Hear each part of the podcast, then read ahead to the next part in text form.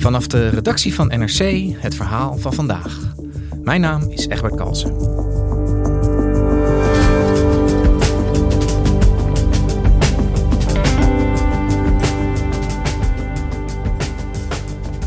Formule 1 is populairder dan ooit. Geen toeval, want toen het Amerikaanse telecombedrijf Liberty Global in 2017 de rechten van de races kocht, had het ambitieuze plannen om de Britse nichesport nieuw leven in te blazen. Sportredacteur Sam de Voogd keek dit seizoen mee achter de schermen en hij zag hoe het bedrijf de sport van binnenuit veranderde.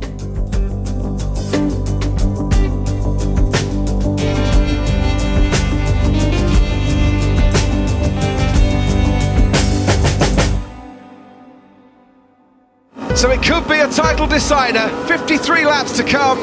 It's lights out and away we go. And Verstappen crawling away from the start gets away, but not as well as Charles Leclerc on the inside. Esteban Ocon getting a bit squirrely, as is Sebastian Vettel. In the turn one we go. Verstappen is ahead. Afgelopen weekend heb ik mijn wekker heel vroeg gezet op zondag. En ik denk uh, vele uh, andere racefans met mij. Want wat was er aan de hand?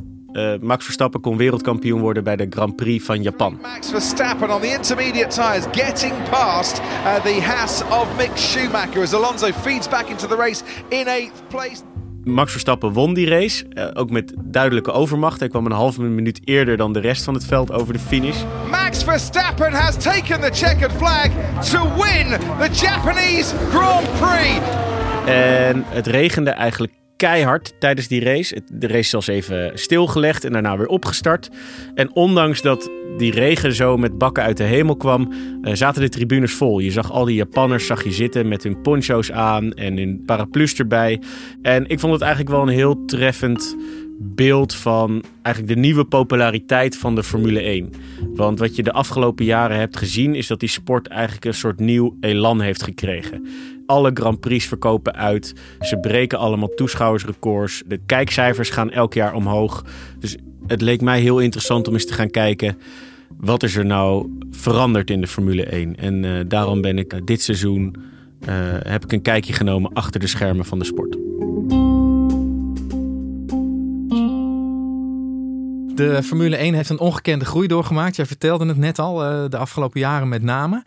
Kan jij ons eens uitleggen hoe die sport eruit zag voordat hij weer zo populair werd? Ja, eigenlijk moet je daarvoor een heel eind terug. De Formule 1 is eigenlijk en motorsport zijn eigenlijk ooit ontstaan door dat ingenieurs die bouwden aan gevechtsvliegtuigen en uh, tanks in de Tweede Wereldoorlog. Na de Tweede Wereldoorlog hadden die geen baan meer eigenlijk, want die hoefden geen gevechtsvliegtuigen meer te bouwen. Dus er waren een heleboel ongebruikte uh, vliegvelden en er waren een heleboel ingenieurs die allemaal prachtige dingen konden bouwen, maar daar geen, eigenlijk geen purpose meer voor hadden. Dus gingen die hele snelle auto's maken en die rondracen op die verlaten vliegvelden. As they thunder away to a perfect start. Jumping into an early lead is Juan Fangio, number one, the former bus driver from the Argentine, and today the most successful racing motorist on the continent. En dat reisde als een soort van klein gezellig dorpje de circuits over. Het bestaat uit een wereld waarin mensen echt al heel lang uh, rondlopen. En een van die mensen die er al uh, jaren rondloopt is de Britse journalist Joe Soward. En uh, zijn claim to fame is eigenlijk dat hij sinds de Grand Prix van Spanje in 1988, dus het jaar dat ik geboren ben, geen Grand Prix meer heeft gemist. Nooit. It's not a job that makes you rich, but it's a job that's giving you an incredibly uh, on my uh, on my Twitter page, it said I just described myself just as living the dream. En hij kon dus mij heel mooi vertellen hoe die wereld destijds was. We were all staying at the the, the rich ones had motorhomes. yeah. And the poor ones had tents, and one or two people stayed in hotels, but not many. And so it was like a little community. It was like a little a little happy village that went around full of lunatics, because of course all racing drivers are mad in that respect. Dus dat, dat kleine, uh, blije dorpje eigenlijk met uh, allemaal prettig gestoorde mensen die veel te hard reden in auto's die niet veilig voor ze waren. En in de jaren negentig kwam de aandacht, werden de commerciële rechten op een goede manier uh, verhandeld. Dat kwam allemaal door de Britse zakenman Bernie Eccleston. Die zag daar de potentie van in en die heeft dat als een soort pakket is hij dat gaan verkopen aan verschillende zenders. En toen kwam er opeens, kwamen er televisiegelden binnen. Toen kwamen er opeens gigantische sponsorencontracten binnen. De tabaksindustrie uh, ging de sport heel erg sponsoren. Dus opeens zwom die sport in het geld. En dat hebben ze een hele tijd kunnen volhouden. Totdat eigenlijk uh, aan het begin van deze eeuw een beetje de klat erin kwam. Want toen zag je dat de mensen die eigenlijk in de jaren 80 en jaren 90 fan waren geworden. die begonnen een beetje op leeftijd te komen. Sport was dus aan het vergrijzen. En eigenlijk had de uh, Formule 1 dus een nieuwe generatie fans nodig. Alleen Bernie Eccleston, die moest daar niets van hebben. Die ging niet met zijn tijd mee. Die moest eigenlijk niks van sociale media hebben. Die moest niks van vergaande sponsorcontracten hebben of uh, vergaande samenwerking met sponsoren. En op die manier leek de uh, sport dus een beetje nou ja, af te kalven. En eigenlijk, ik wil niet zeggen in vergetelheid raken, maar wel steeds kleiner te worden en voor een steeds selecter groepje. Dus de sport dreigde een beetje ja, te vergrijzen, zeg jij. Hè? De fans vergrijsden, er gingen minder mensen kijken. Wanneer is dat, is dat omgeslagen naar waar we nu naar zitten te kijken? Nou, het omslagpunt is eigenlijk gekomen toen in 2017 Liberty Global, een Amerikaans uh, telecombedrijf, de commerciële rechten van de Formule 1 overnam van Bernie Eccleston en het consortium eh, van wie die rechten toen uh, waren. Eccleston kwam ook op leeftijd. Misschien was dat wel het geluk van de sport. En het was gewoon tijd dat hij eruit stapte eigenlijk. De Amerikanen hebben dat overgenomen. Uh, en waren dus vanaf dat moment de commerciële rechthouder. Wat dus betekent dat zij bepaalden wie wel en wie niet de Formule 1 uit mag zenden. Nou, dat is een uh, vrij waardevol rechtenpakket. En de Amerikanen zijn er meteen mee aan de slag gegaan, want die zagen de potentie van sociale media wel zitten. We have an opportunity to really grow this sport um, in a new and exciting way. And I think there are two you know, fundamental parts. One, put an organization in place that lets us make these events everything they can be, reaches out across digital media that we're not connecting to today, build a marketing organization that connects to fans, uh, enables fans to connect to the sport. En zij zagen ook dat er een, een nieuwe generatie fans nodig was. Dus zij gingen op zoek naar een manier eigenlijk om de sport wat meer te ontsluiten voor een jonger publiek. En eigenlijk dus toegankelijker te maken ook. En, en wat hebben zij de afgelopen jaren dan precies veranderd uh, om die sport weer bij een groter publiek uh, te krijgen? Eigenlijk is het belangrijkste wat de Amerikanen veranderd hebben, is dat ze een Netflix-serie hebben gemaakt over de Formule 1. Drive to Survive heet die. En uh, dat was de best bekeken Netflix-serie in 33 landen. En uh, daarmee hebben ze de makers eigenlijk onbeperkt toegang gegeven tot de paddock en achter de schermen. De paddock, dat is zeg maar het, het rondreizende dorp, hè? even simpel ja, gezegd. Ja, de, de, paddock is het dorp dat de Formule 1 eigenlijk bij elke Grand Prix opbouwt. Het is gewoon een soort van hele grote strook asfalt... waarnaast motorhomes aan de ene kant en garages aan de andere kant verrijzen. Dus het lijkt eigenlijk bijna alsof je in de koopgoot rondloopt. Alleen dan met alleen maar Formule 1. En dat is de plek waar coureurs zich ophouden en zich voorbereiden op de races. Dat is de plek waar de ingenieurs sleutelen aan de auto's.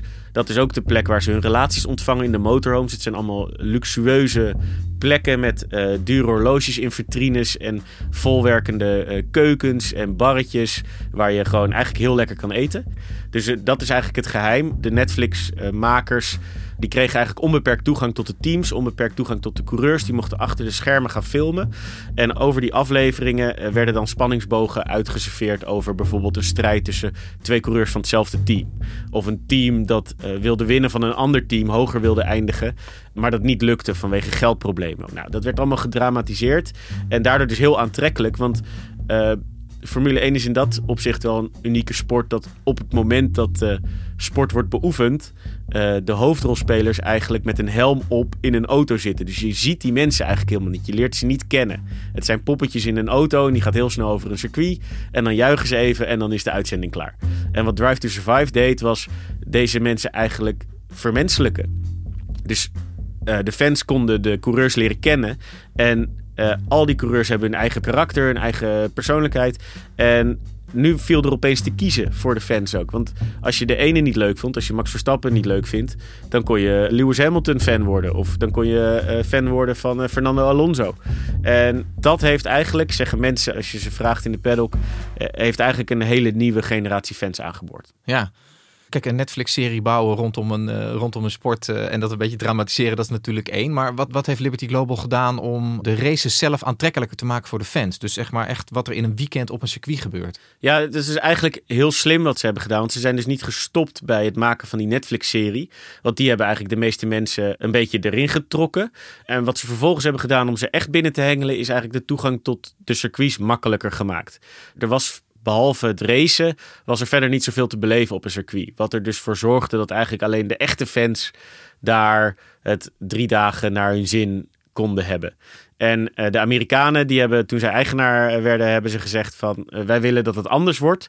Wij zien uh, de Formule 1 als entertainment, als een entertainmentproduct. En we willen eigenlijk dat zo'n raceweekend van drie dagen gewoon een driedaags festival wordt. Waarin honderdduizenden mensen continu vermaakt worden. En ik heb daarover ook gesproken met Keith Bruce. Hij is de president van Formula One Experiences. Dat is eigenlijk een bedrijf wat is opgezet door Quinn Events, een global retailer van tickets. Die onder andere ook voor de de NBA en de Kentucky Derby kaartjes verkoopt. En de Formule 1. En zij hebben eigenlijk samen bedacht van hoe gooien we die sport nou open voor een groter publiek. It was a it was a challenge to come to Formula One maybe before because uh, it was intimidating and there wasn't a lot to do other than sit in the grandstand seat unless you bought a Paddock Club ticket. Uh, so Formula One came in, or Liberty Media came in and said, okay, we want to we want to basically make this uh, a sport that's easier to understand, mm-hmm. uh, easier to attend, yep. Uh, more fun, more interesting. Ze hebben de paddock opengegooid voor goed betalende fans die daar dus hun coureurs kunnen komen bekijken. Ze hebben de pitlane opengegooid waarin je kan zien hoe er aan auto's gesleuteld wordt. Uh, tegenwoordig is er een, een rondritje over het circuit vlak voor de start. You're getting the opportunity to uh, get an inside view of what you already love. Yep. And if you're a new fan, you're getting an education. You're being like, wow, okay, I just yeah. normally sit in the grandstand and just watch the cars go by, and I wouldn't really know much of what's going on. But now I've done the pit lane, I've seen what goes on in the garages, I've done a tour of the circuit, so I understand the chicanes and the strategy of the drivers. En de gedachte daarachter is dat als ze dat dan eenmaal gedaan hebben, dat ze daarna hooked zijn voor live en dat ze dan dus altijd als fan een fan blijven van de Formule 1. Ja, ja. Het, is, uh, het is denk ik allemaal volgens de wetten van, uh, van de moderne media, zoals Liberty Global het heeft aangepakt uh, de afgelopen jaren. En het heeft gewerkt volgens mij, hè? Ja, het is, de sport is nu dus populairder dan ooit. Als je kijkt naar de kijkcijfers, anderhalf miljard mensen hebben afgelopen jaar wel een keertje naar een Formule 1 Grand Prix zitten kijken.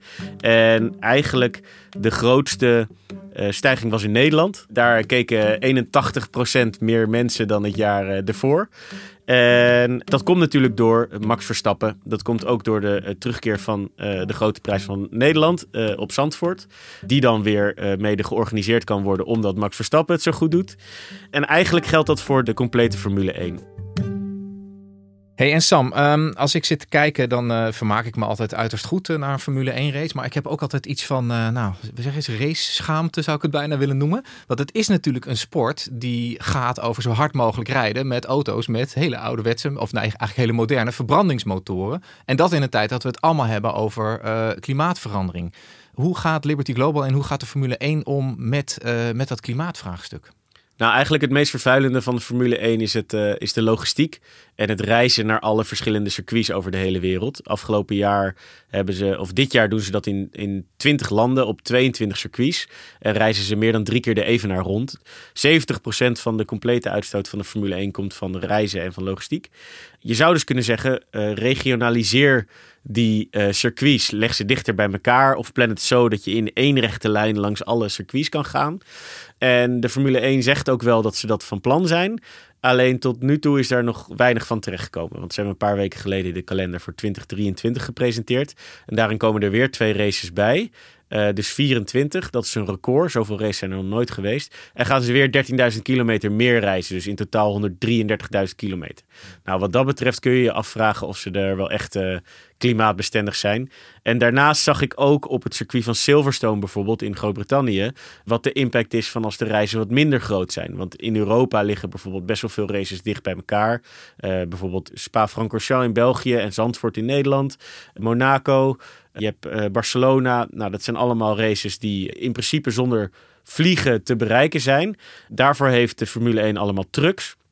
En op het uh, circuit van Silverstone zag ik op het middenterrein, zag ik die op een gegeven moment allemaal naast elkaar staan. Nou, dat lijkt wel een soort oneindige rij van trucks. Van uh, Mercedes stonden er 12, van Red Bull stonden er 8, van Ferrari stonden er 8. En dat zijn ze nog niet eens allemaal, want volgens mij heeft bijna elk team er wel zo rond de 20 of meer. En iemand heeft een keer uitgerekend dat er voor elk circuit binnen Europa meer dan 300 trucks van circuit naar circuit rijden om alles te verplaatsen. En ook die rijden niet op, uh, op elektriciteit of op een andere duurzame brandstof. Dus, dus het klimaat wordt, ja, we mogen wel zeggen, een van de grote uitdagingen voor de Formule 1 hè, de komende jaren. Um, is het voor de rest nou echt alleen maar een succesverhaal sinds Liberty Global is ingestapt? Of zijn ze ook een beetje tegen de, tegen de grenzen van hun eigen ambities aangelopen door die harde groei?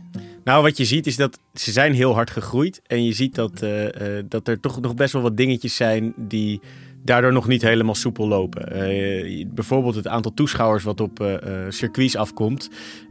Bijna wekelijks hoor je wel een bericht dat er weer een record is gebroken aan het aantal mensen wat op zo'n Grand Prix afkomt. En dan heb je het dus over meer dan 100.000 bezoekers per dag. dus 300.000 bijvoorbeeld bij de Grote Prijs van Nederland op Zandvoort. Um, en in Italië ging dat bijvoorbeeld mis, want toen kwamen er daar ook meer dan 300.000 mensen op Monza af. En daar waren de wachtrijen bij de bussen die de mensen naar het circuit moesten vervoeren. En bij de muntautomaten die uh, muntjes verkochten om uh, eten en drinken te halen. Die waren zo lang dat mensen dus gewoon eigenlijk geen eten en drinken konden krijgen. Of heel lang moesten wachten en daardoor een deel van het programma misten. En de organisatie van Monza heeft achteraf ook daar zijn excuses voor moeten aanbieden. Zo'n grote bende was het. En dat is niet het enige er zijn niet alleen meer toeschouwers, maar de samenstelling van die toeschouwersgroep is ook veranderd. Dus wat je ziet is eigenlijk, uh, vroeger had je vooral uh, de diehard racefans die er dan op afkwamen. Dat waren vooral witte mannen. En tegenwoordig is het publiek veel gevarieerder. Dus er lopen veel meer vrouwen rond en ze zijn ook allemaal wat jonger. Dus je ziet echt gewoon stelletjes of groepjes vriendinnen, zie je daar rondlopen. En wat je ziet is dat dat gevarieerdere publiek uh, dat dat nog niet helemaal mooi samensmelt. Dus er zijn uh, bijvoorbeeld tijdens de Grand Prix in Oostenrijk zijn er meldingen binnengekomen over seksueel grensoverschrijdend gedrag. En dat waren Nederlandse uh, fans gekleed in oranje Verstappen shirts die daar vrouwen gingen betasten of ze seksueel gingen bejegenen of uh, spreekkoren instarten die niet al te charmant waren. En um, dat heeft echt tot een rel geleid. En een paar weken later, tijdens de Grote Prijs van Nederland, gebeurde het weer en hebben iets van 50 vrouwen melding gedaan van seksueel grensoverschrijdend gedrag. Dus het is echt nog wel een probleem wat blijkbaar in die fanbase van de Formule 1 zit. En wat doet Liberty Global daarmee met deze geluiden? Spreken zij zich daar ook over uit? Nou, Liberty Global zegt zich wel druk te maken over dit onderwerp. En uh, zij hebben onder meer ook besloten om in 2017 uh, voortaan de pitspoezen uh, te weren. Weet je wel, die knappe dames die naast die auto's op de grid stonden. En ook na de rel in Oostenrijk hebben ze een campagne gestart die heet Drive It Out. En dus eigenlijk bedoeld voor een inclusievere sport. En dan heb je een mooi filmpje met Stefano Domenicali, de baas van Formule 1. En al de coureurs die dan uh, gezamenlijk een boodschap uitspreken. Formula 1 is all about competition and rivalry. But also respect. Respect as competitors. Respect for our fans. Respect for the whole F1 family. Abuse of any kind is unacceptable. If you cannot be respectful, then don't be part of our sport. Maar het is wel zo dat de Formule 1 zich vaker van dit soort campagnes en uh, uh, verklaringen bedient. Dat als het een keertje vervelend wordt voor ze, dat ze dan het met zoiets proberen af te doen. En er zijn ook wel echt wel stemmen die zeggen van. Formule 1, dit is niet genoeg. We hebben meer nodig. We hebben meldpunten nodig. We hebben meer beveiligers nodig. We hebben een beter bewustzijn bij de fans die er rondlopen op zo'n circuit nodig. En zover zijn ze nog niet. Dus commercieel misschien wel de boel op orde bij Liberty Global, maar maatschappelijk is er nog een hoop te doen, eh, zou je kunnen zeggen. Ja, daar hebben ze nog wel een paar stappen te maken. Dankjewel, Sam. Graag gedaan.